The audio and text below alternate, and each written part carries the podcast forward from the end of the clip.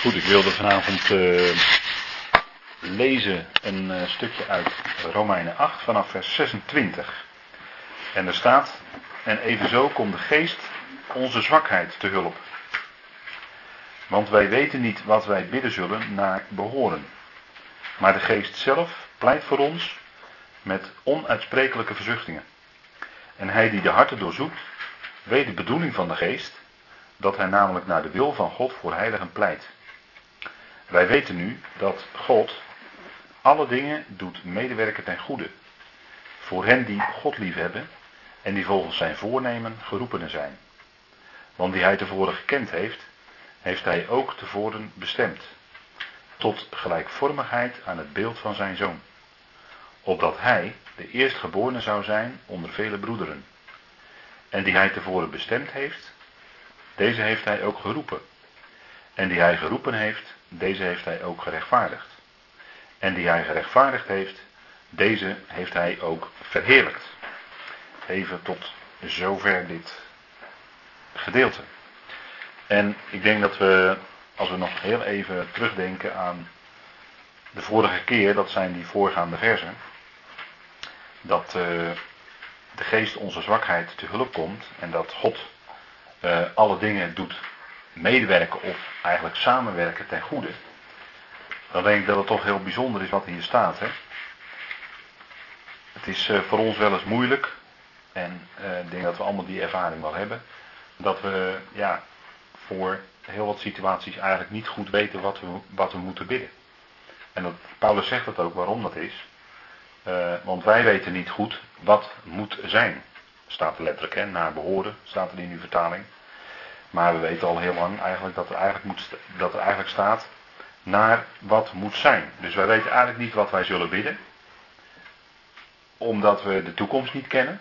Dus wij zijn in onzekerheid in zekere zin over de toekomst. Hè. Daar zit een beetje spanning tussen van wij leven vandaag en wat gaat er nou morgen gebeuren. En daarom weten wij ook niet goed, ook voor de levens van andere mensen, die misschien het moeilijk hebben of die ziek zijn. Wij weten niet goed wat daarvan moet worden en wat er in de toekomst gaat gebeuren. Nou, dat is voor ons een stukje spanning. Wij weten het niet, God weet het wel. En dat is ook onze zwakheid, hè, waar Paulus het hier over heeft. De geest komt onze zwakheid te hulp. Wij bidden en we willen graag het beste voor de ander. Dus als iemand ziek is, dan zouden we het liefste willen bidden voor genezing en dat God ook genezing geeft. Alleen we weten uit ervaring dat wij stervende mensen zijn, dat we ziek worden en dat we uiteindelijk ook zullen sterven, komen te overlijden op een gegeven moment. En dat is ook het eindpunt van het lijden. Hè? Dus dan zie je toch ook weer een stukje wijsheid van God. Hij laat dat lijden niet oneindig voortduren, maar hij heeft daar een beperking aan gesteld. Hè? En als mensen zeg je toch altijd van, als iemand uh, 75 jaar oud is, ik noem maar wat, en die wordt ziek, dan vind je dat eigenlijk uh, ja, vinden wij dat eigenlijk naar onze huidige normen, vinden wij dat eigenlijk nog te jong. Wij zouden zo'n persoon nog liefst nog 25 jaar erbij gunnen. In goede gezondheid en dat hij ook nog 25 jaar lang hè, tot, zo, tot zijn of haar honderdste mee kan gaan skiën en watersporten en noem alles maar op. Hè, ik noem, ik noem, ik, ja, nou ja, goed. Maar dat is natuurlijk niet zo. En dat, ik denk ook wel eens van, uh, wij zijn mensen, wij zijn stervende mensen. En dan worden we ziek en we lijden daaronder. En daar wil ik helemaal niet makkelijk over spreken, omdat het vaak een hele moeilijke weg is. En aan de andere kant is het ook zo, ja, maar we leven wel met de realiteit dat wij stervende mensen zijn. En dat God ook een keer een punt achter ons leven zet. Wat hij van tevoren natuurlijk al lang wist. want hij heeft al onze dagen, kent hij al van tevoren, zegt Psalm 139. Dus hij weet al precies ons hele leven. En we weten ook dan waar het eindstation is. En we weten ook een keer dat een eindstation komt. Het liefst zouden wij als eindstation hier op aarde zien de bazuin Gods. Dat wij bij ons leven, terwijl we nog in blakende gezondheid zijn, veranderd worden en de Heer tegemoet gaan in de rug. Dat willen we allemaal het liefst. Maar dat gebeurt niet. Want je kunt op jongere of latere leeftijd ziek worden. En zelfs ongeneeslijk ziek. Dat is de realiteit. Dat is de harde realiteit van het leven waar je mee te maken hebt. Nou, en daarvan zegt Paulus, kijk, dat is onze zwakheid. En um, dan zullen misschien bepaalde predikers zeggen in Nederland van nou kom maar op het podium. We hebben vandaag een genezingsdienst en we bidden voor je genezing en je wordt genezen. Maar als je je oor te luisteren legt en je leest daarover en je hoort daar dingen van, dan moet je ook realistisch zijn en zeggen van ja, maar vaak is de genezing die geclaimd werd niet echt. En dat is, dat is gewoon een feit. Uh, en soms gebeuren er ook wonderlijke dingen. Dingen waarvan je zegt van nou, daar heb ik eigenlijk geen idee van hoe dat precies zit. Het lijkt net alsof God een genezing heeft gegeven. Dat zou kunnen, maar er zijn, ja, dan heb je toch altijd weer vragen. Goed. Maar, oké. Maar we leven nu niet in de tijd, hè, dat, dat is natuurlijk wel een stukje bijbelkennis wat we hebben. Wij leven nu niet in de tijd dat het koninkrijk gaat komen. En de tekenen en wonderen die de Heer Jezus deed, ook dus de genezingen, dat waren begeleidende tekenen waaruit bleek bij het volk Israël, ook nog eens een keer, dus niet voor alle volkeren, maar bij het volk Israël dat het koninkrijk eraan zat te komen. Dus de Heer Jezus, hè, dat lees je dan in, in de evangelie zeg maar, dat op, op gedurende een bepaalde periode genas de Heer Jezus zelfs allen die bij hem gebracht werden. Maar, denk erom, dat er soms ook hele andere situaties waren. Want als hij komt in Bethesda, waar die man al 38 jaar ziek ligt, dan stelt de Heer Jezus aan die man die vraag: wil, je wil jij gezond worden? En wij zouden dat een absurde vraag vinden. En wij zouden zeggen van ja, dat getuigt ook van weinig invoelingsvermogen. Natuurlijk wil die man beter worden. Nou, wacht even, de Heer Jezus stelt natuurlijk niet zomaar zo'n vraag. en dan, goed, ik ga er niet verder op in. Maar daarmee wil ik wel zeggen dat de Heer Jezus dus niet per definitie iedereen genas bij wie die kwam die ziek was. En dat hij ook hele specifieke dingen deed. Als ik een paar hoofdstukken verder ga in Johannes, naar Johannes 9, de blindgeborene, dan zit daar een hele, dan zit daar heel veel aan vast wat daar gebeurt. De Heer Jezus zegt daarvan dat hij blind geboren was, opdat de werken van God in hem geopenbaard zouden worden. Opdat Gods naam daardoor verheerlijkt zou worden. Dat is natuurlijk ook een punt. Maar goed, dat, ik laat verder het onderwerp genezing liggen. Um, wij weten vaak niet goed wat wij zullen bidden naar wat moet zijn. En zo kun je natuurlijk tienduizend grotere en kleine dingen uit je leven opnoemen. Waarvan je gewoon onzeker bent van ja, wat, wat wil God daar nou mee? vandaag is het zo, maar ik weet niet hoe het morgen is. En waarom is mijn, je kan je ook afvragen, waarom is mijn leven zo gegaan? Je hebt ook niet op alle dingen die in je leven gebeurd zijn, nu een antwoord waarom het zo gegaan is zoals het gegaan is.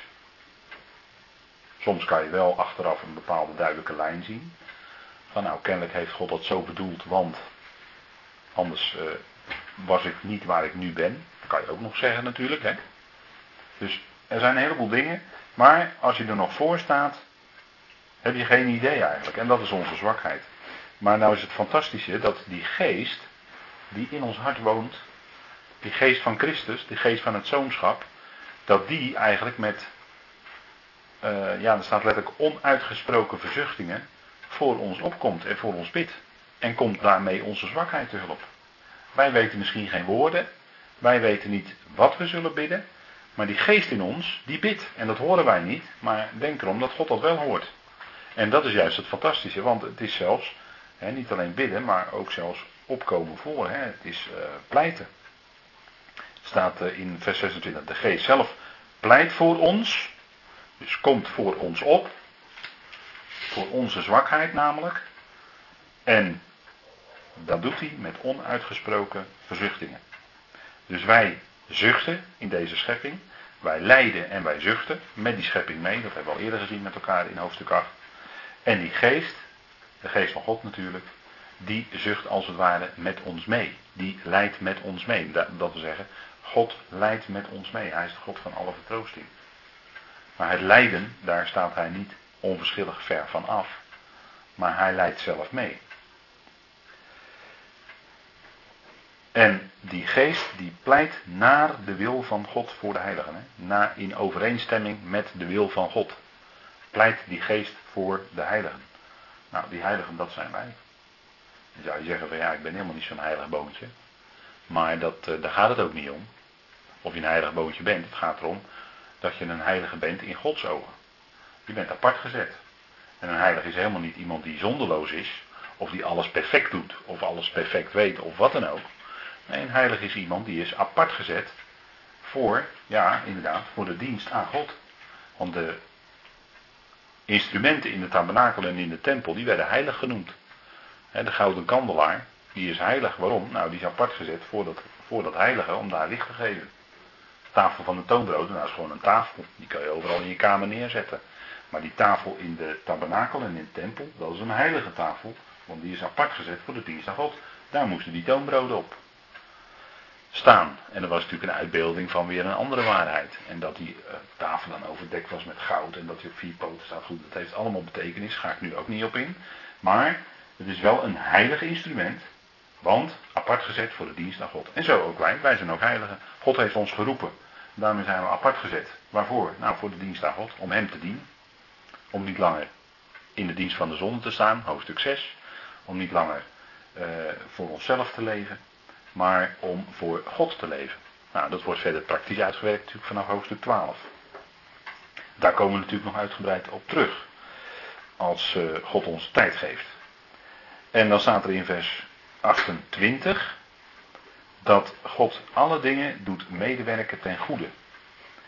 En nou kunnen mensen, nou kun je natuurlijk in een bepaalde situatie zijn in je leven dat je daar moeite mee hebt met deze tekst. Van zo, nou dat is dan wel makkelijk gezegd. alles werkt mede ten goede. En we zingen dat ook in de dienst. Ja, dat is dan wel makkelijk gezongen. Zo kan je best eens in de dienst zitten. In je emoties en in alles wat je overkomt. Natuurlijk, dat is te begrijpen. Maar kijk, als je hier kijkt in het tekstverband. Want als je je afvraagt van, hé, hey, dat staat daar zo in dat 28e vers. Wat bedoelt God daarmee? Dan ontdek je eigenlijk heel vaak, als je nou in de buurt van die tekst gaat lezen, van zo'n tekst, en je vraagt je af van, hé, hey, wat bedoelt God daar nou mee? En je leest daar in de buurt in de Bijbel, dan zeg, dan zeg ik vaak van ja, het staat er gewoon bij. Wat dat is, dat alles meewerken. Dat staat er gewoon bij. En dat staat hier eigenlijk in die volgende verse. Uh, want het is namelijk God die werkt. God die heeft alles in zijn hand. En God werkt alles uit. En God werkt alles mee voor ons. Hè, voor, het gaat om degene die God lief hebben. En dan kan je je afvragen, ja, wie zijn nou degenen die, die, die God lief hebben? Want moet je dan iets speciaals voelen van binnen of zo, dat je God lief hebt? Van ik voel heel erg van binnen dat ik God lief heb. Is het dat dan? Als je God lief hebt? Nou, ik denk dat je twee dingen kan, erbij kan stellen. Van ten eerste, als je God lief hebt, is dat het antwoord op Gods liefde. Want Johannes zegt, God is liefde en wij hebben Hem lief. Waarom? Omdat Hij ons eerst heeft lief gehad. Dus die liefde van Hem is eerst naar ons toegekomen. We zijn ervan onder de indruk gekomen. En uh, die liefde is in ons hart gaan werken. En nu kunnen we die liefde als het ware reflecteren terug naar God toe. Maar hoe blijkt dat dan? He, liefhebben is, is uh, een werkwoord. Het gaat hier om een werkwoord. Degene, hen die God liefhebben, wie zijn dat? Nou, dat zijn die geroepenen, die uitverkorenen, die mensen die tevoren bestemd zijn. Daar we komen zo op terug. Maar die staan in de dienst aan hem, dat wil zeggen, dat zijn degenen die hem dienen. Waaruit blijkt liefhebben? Nou, dat je dient. Waaruit blijkt dat je God lief hebt in je leven? Nou, daar, blijkt uit het feit dat je hem dient. En dan kan je zeggen van ja, maar ik, eh, ja, ja, maar in mijn leven, ja, ik doe helemaal niks uh, bijzonders in de gemeente of wat dan ook. Ja, maar daar gaat het ook helemaal niet om. Of je nou niet een speciale functie of een speciale taak hebt in, in een plaatselijke uh, groep gelovigen, daar gaat het niet om. Dat gaat natuurlijk gewoon om je hele leven. Dat je hè, de, de dagen doorkomt in afhankelijkheid van Hem. En dat je in dat wat je doet, daarin dien je God. In de dingen die je doet, dat kun je op verschillende manieren natuurlijk doen. Maar je kunt het op, de, gewone dagelijkse dingen kun je op een manier doen waaruit, waaruit blijkt dat je God dient daarmee. En dat is, dat is het punt. Daar geeft Paulus natuurlijk een heleboel praktische, uh, praktische opmerkingen geeft hij dan in zijn brieven. van van, van hoe, hoe ouders uh, thuis zijn en kinderen en hoe je op je werk bent en noem alles maar op. Nou, in al die situaties, gewoon het leven van elke dag, blijkt dat je hem dient. Nou, en daaruit blijkt dus ook dat je God lief hebt. Want liefhebben is dienen. En dat geldt ook natuurlijk uh, met elkaar. Als je in een gezin met elkaar bent, dan, uh, nou, dan ben je als ouders ten eerste ook al als je kinderen hebt ontvangen van God, dan ben je ook bezig om je kinderen te dienen. Want je, je verzorgt ze en je voedt ze op, zodat ze later ook een goede plek eh, kunnen krijgen in de maatschappij. En dat ze daar, nou, dan ben je dus bezig ook je, eh, je eigen kinderen als het ware te dienen. En ook daaruit blijkt dat je God lief hebt. Want je hebt kinderen ontvangen en dan besef je, ja, dat zijn kinderen die heb ik van God ontvangen. Zijn kostbare geschenken van God. En die dien je tot het moment dat ze zelfstandig zijn. En dan zijn ze voortaan zelf. Hè, uh, gaan ze verder hun eigen weg en zijn ze zelf verantwoordelijk. Maar tot dat moment, als ouders, en ook daarna, als er wat is, dan is het zo dat je als ouders gewoon altijd klaar staat voor je kinderen. Hè, wat er ook gebeurt, maar als ze een beroep op je doen, sta je voor ze klaar. En, daaruit, en daarin blijkt ook dat je ten dienste wil zijn van je kinderen. Nou, daaruit blijkt ook een stukje liefde van God in je hart. Die zich dan uit naar je kinderen toe. Nou, dat, is, dat zijn allemaal zo van die kleine dingetjes. Uh, waarin je dus kan zien van hé, hey, kijk, dat zijn mensen die God lief hebben. Uh, en als je van een afstandje kijkt, dan is het toch, ja, die mensen zijn anders. En aan de ene kant zeg je van ja, we zijn precies hetzelfde, we wonen in een rijtje. Uh, met, met allemaal uh, gezinnen en we zijn eigenlijk niet anders dan die anderen. We doen eigenlijk heel veel dezelfde dingen. Ik bedoel, uh, dat is gewoon normaal. Maar hoe je erin staat en hoe je bezig bent en ja, dat daaruit blijkt dat je God lief hebt. En dat zijn dus die mensen die volgens zijn voornemen, staat hier, geroepen zijn. En dat woordje voornemen, dat, uh, dat is in het Grieks het woordje prothesin. En met uh, ja, prothese, dat is eigenlijk een kunstgebied. Hè? Dus, uh, maar dat, is eigenlijk ook wel waar, want het is iets wat je voor in je mond plaatst. Hè? Een kunstgebied. Plaats je voor in je mond. Nou, dat is ook precies wat het woord zegt.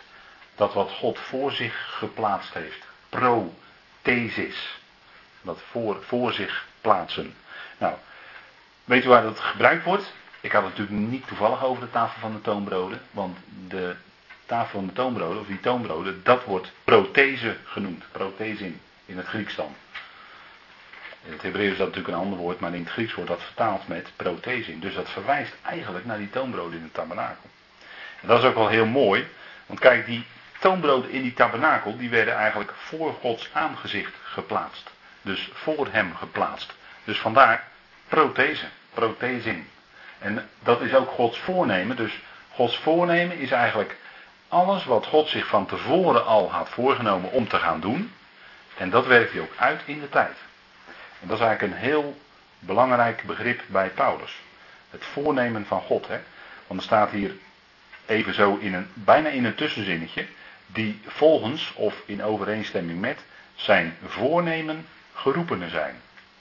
Dus God had zich dat al voorgenomen.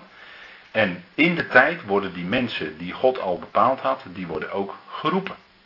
Dus het feit dat wij hier zitten, is al een bewijs van het feit dat wij geroepen zijn. Anders zouden we hier niet zitten en luisteren naar Gods woord.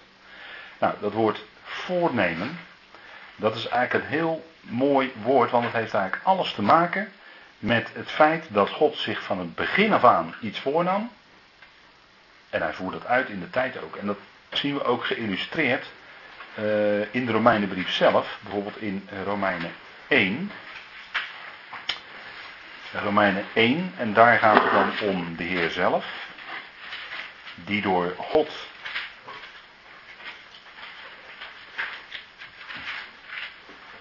in een bepaalde plaats gesteld is.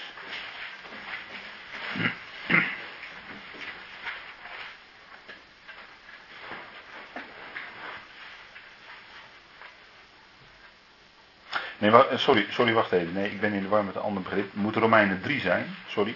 Romeinen 3, vers 25. Romeinen 1 komen we straks nog bij terug. Romeinen 3, vers 25. En daar staat over onze Heer. Hem heeft God voorgesteld als zoenmiddel. En dat voorgesteld, dat is eigenlijk dat woord prothesin, alleen dan het werkwoord. Protitemi. Maar dat is uh, in feite hetzelfde. Hem heeft God voorgesteld. Pro protitemi. Dus dat is het werkwoord. En in Romeinen 8, wat we nu bespreken, daar gaat het om het zelfstandig naamwoord protezin. Maar met het woord protitemi verwijst apostel Paulus hier eigenlijk naar dat heilige in de tabernakel en in de tempel. Hij verwijst hier eigenlijk naar de toonbroden. Door dat begrip te gebruiken. Dat heb je oppervlakkig lezen niet zo door, maar door het volgende woord blijkt het ook al direct. Namelijk, hem heeft God voorgesteld als zoenmiddel. En daar wordt het woord gebruikt, het Griekse woord voor verzoendeksel. Dus het deksel op de ark van het verbond. In het heilige der heiligen. En dan zitten we natuurlijk nog steeds gewoon helemaal midden in die tempel en tabernakel.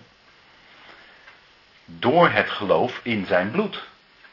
En dat is ook wat de hoge priester deed één keer per jaar op grote verzoendag. Dan kwam hij met het bloed van die ene bok in het heilige der heiligen. En hij sprenkelde dat bloed op het verzoendeksel en voor de ark van het verbond.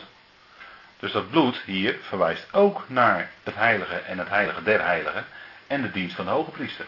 Dus gebruikt Paulus zo drie begrippen achter elkaar, waarin hij gewoon verwijst naar die tabernakeldienst en daarmee laat zien dat die hele tabernakeldienst dus uh, alleen een heenwijzing was naar onze Heer zelf. De toonbroden verwezen ernaar, de verzoendeksel verwees ernaar, het bloed verwees ernaar, alles. Want ik kan ook zeggen het goud, ik kan het hebben over de kleden, ik kan het hebben over de pilaren. Alles, alles, alles verwijst naar de Heer. Maar dat is een studie apart. Maar hier zien we dus dat Paulus ook dat woord voorstellen, dus voornemen gebruikt. En dan is het het werkwoord voornemen. En daarin laat Paulus eigenlijk zien dat God hem. Er waren heel veel offers. Er was heel veel bloed wat geplenkt werd met het slachten van de beesten. Maar dat verwees in feite allemaal naar het ene ware offer. Want God had geen, eigenlijk geen behagen in die dierlijke offers hoor. Staat ook heel duidelijk in de schrift. Hij had er eigenlijk geen behagen in. Maar het verwees allemaal dus naar de zoon. Het verwees allemaal naar het bloed wat uiteindelijk de Heer Jezus zelf zou uh, doen vloeien op Golgotha. En dat bloed is voor ons tot rechtvaardiging. Maar dat had God zich dus al lang voorgenomen. Want het lam was al gekend voor de nederwerping van de wereld. En het lam was al geslacht vanaf de nederwerping van de wereld. Dus het lag al lang in Gods voornemen vast. Nou, dat woord voornemen, dat zien we ook in Efeze. En daar wil ik toch ook even met u naar kijken.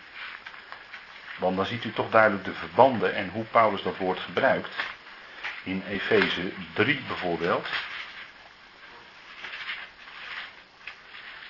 Efeze 3.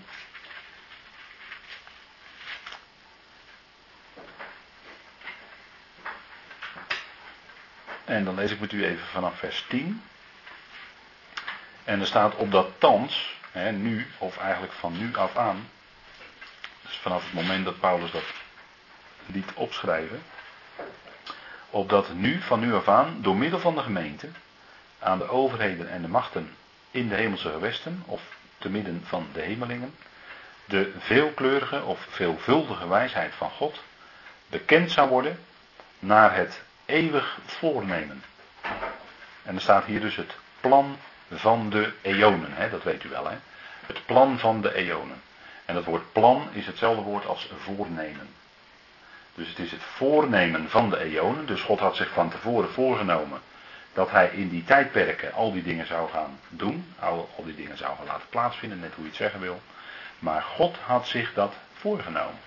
Dus het is ooit een keer begonnen, zou je kunnen zeggen, even menselijk gezegd, in de gedachten van God. Hij nam zich dat voor. Net zoals je je misschien wel eens voorneemt van nou, ik ga volgende week eh, een heel stuk fietsen of zo, ik noem maar wat geks. Of ik ga een heel stuk wandelen. Je neemt je dat voor. Je gaat de route uitplannen. Je zegt van nou, ik wil lekker 50 kilometer gaan fietsen. Dus je pakt de kaart en je zet een rondje van 50 kilometer uit. En je gaat een rondje van 50 kilometer fietsen. Of je gaat wandelen en je zegt van nou, ik hou van wandelen, ik ga 25 kilometer lopen. En je zet een wandelparcours uit van 25 kilometer. Je neemt je dat voor.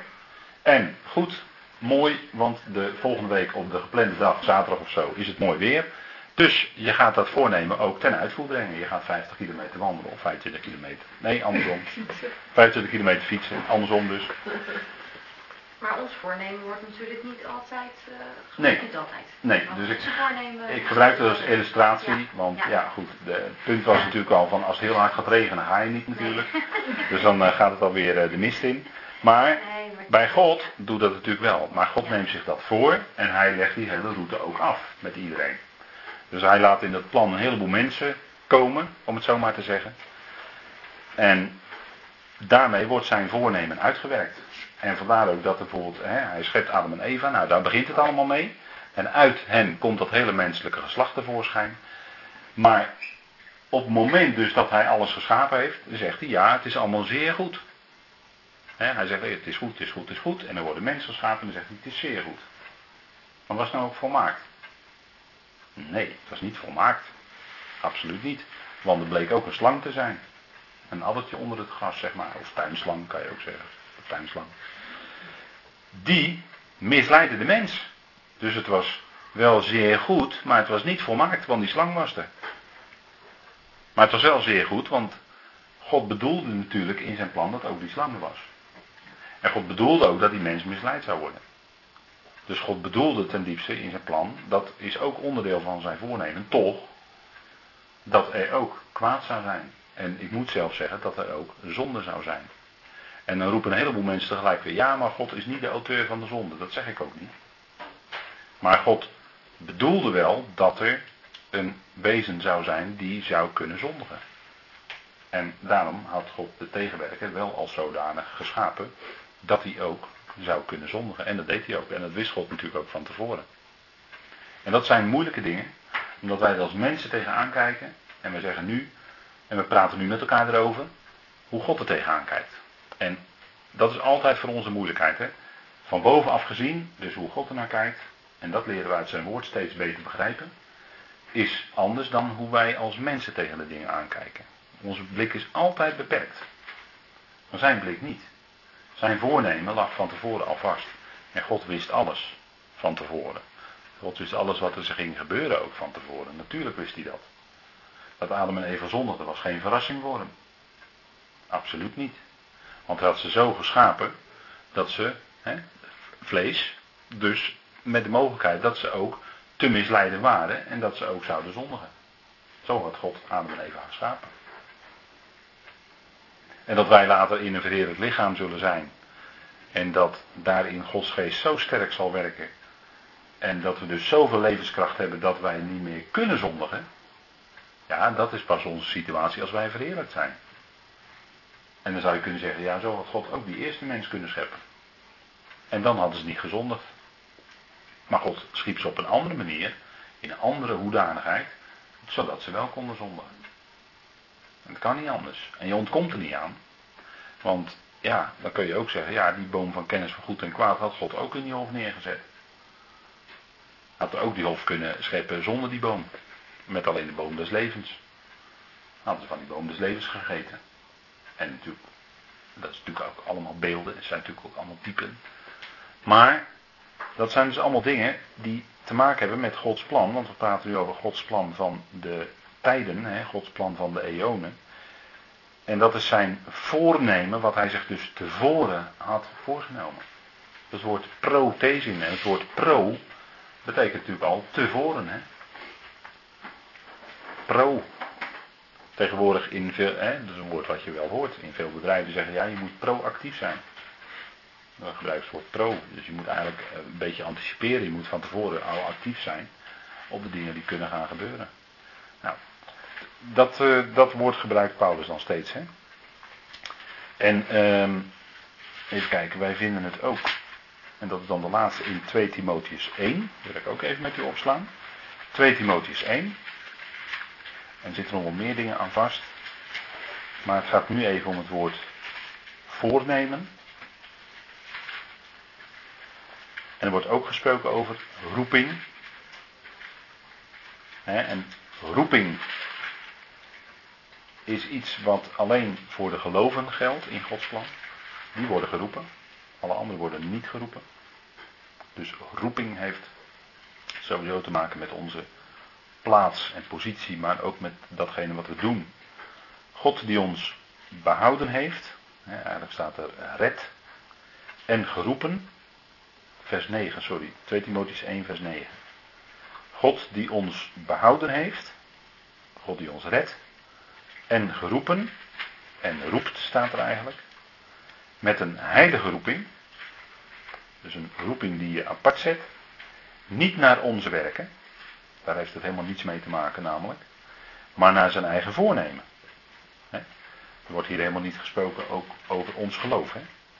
Maar er wordt alleen maar gesproken over zijn redding, zijn roeping en zijn eigen voornemen. er staat zijn eigen voornemen. Dat woord eigen staat er heel nadrukkelijk in het Grieks. Dus zijn eigen voornemen en de genade die ons in Christus Jezus gegeven is voor Ionische tijden.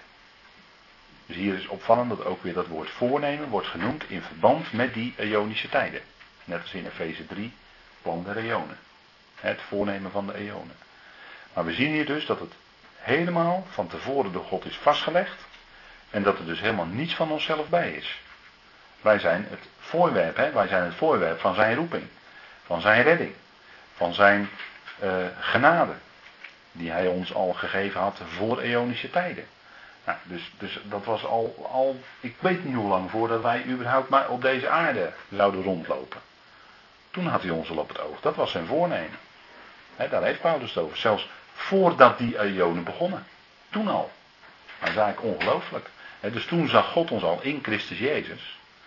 En daaruit blijkt ook dat er dus helemaal niets, bij, niets van onszelf bij is. Want nou, er staat er ook bij, hè. Eigenlijk is dat bijna overbodig, maar Paulus zet het er toch even bij. Uh, niet naar onze werken.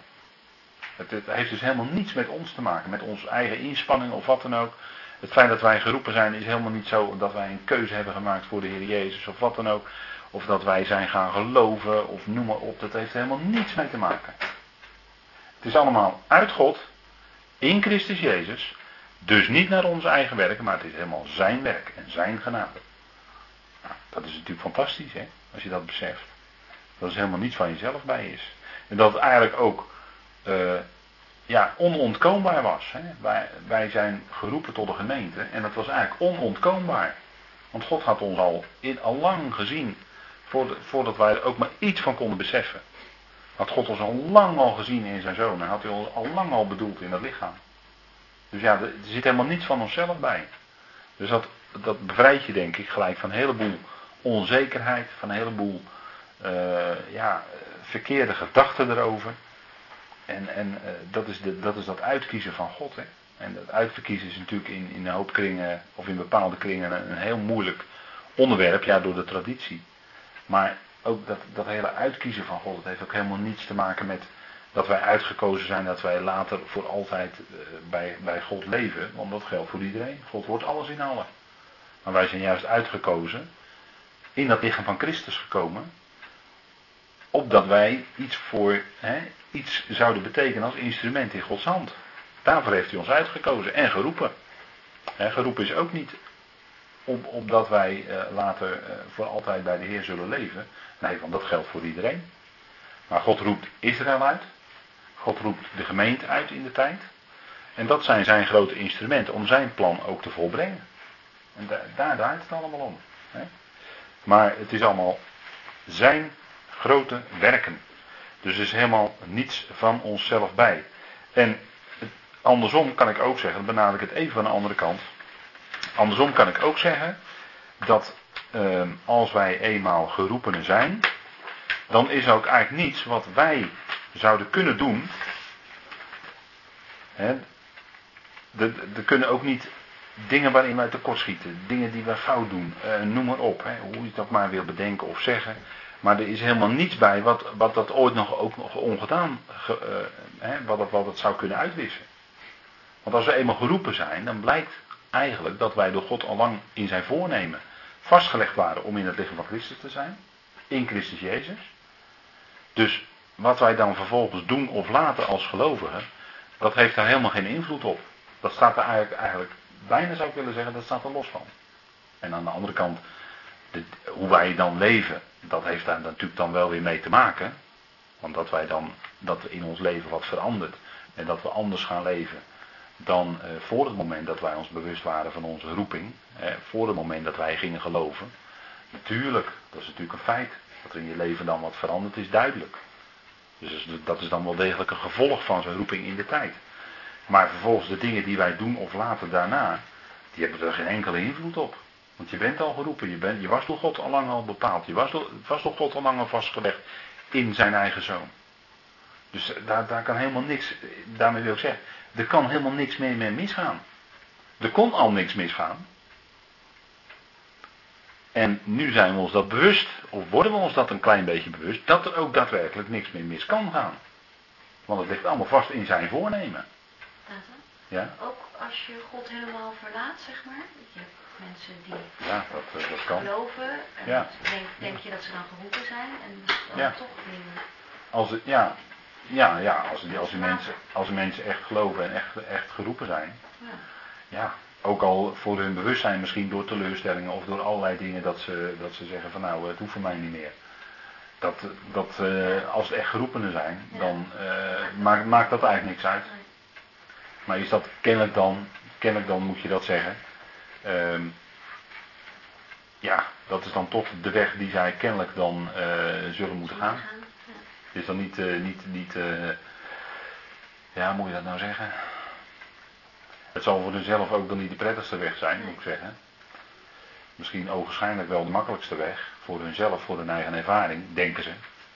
Maar ik denk dat als iemand uh, echt geroepen is. Uh, ja, dat zie je wel vaker gebeuren. Dat mensen dan een aantal jaar, misschien wel tien jaar of vijftien jaar, uh, gewoon meegaan in, in de, ja, als, als geroepenen zeg maar. En dat het ook blijkt. En dan kan ineens in dat leven een ommekeer komen. Dat, het, uh, ja, dat door teleurstelling of wat dan ook, dat het denken ineens helemaal als ware wordt omgezet. Om het zo maar te zeggen. En uh, verder ze, de persoon zonder God weer leven. Voor zover dat kan. Alleen misschien voor je eigen ervaring. Maar uh, dat doet aan de roeping en de, en de rechtvaardiging en alles doet helemaal niks af. Dat, dat heeft daar namelijk geen invloed op. Als iemand echt geroepen is, blijft dat zo. Eens geroepen, altijd geroepen. En, en dat is, uh, ja, eh, maar dat is ook Gods voornemen. En wij, soms gaat God inderdaad met zijn kinderen een, een, een, hele speciale weg. En dan gaat iedereen zijn eigen weg natuurlijk. Maar uh, het ligt allemaal vast in God. En dat is eigenlijk, denk ik, het geweldige. Als je dat gaat beseffen van, nou, het ligt bij hem vast, het ligt in hem vast. Het is in zijn zoon geroepen, in Christus Jezus. Nou, ja, er kan eigenlijk niks misgaan.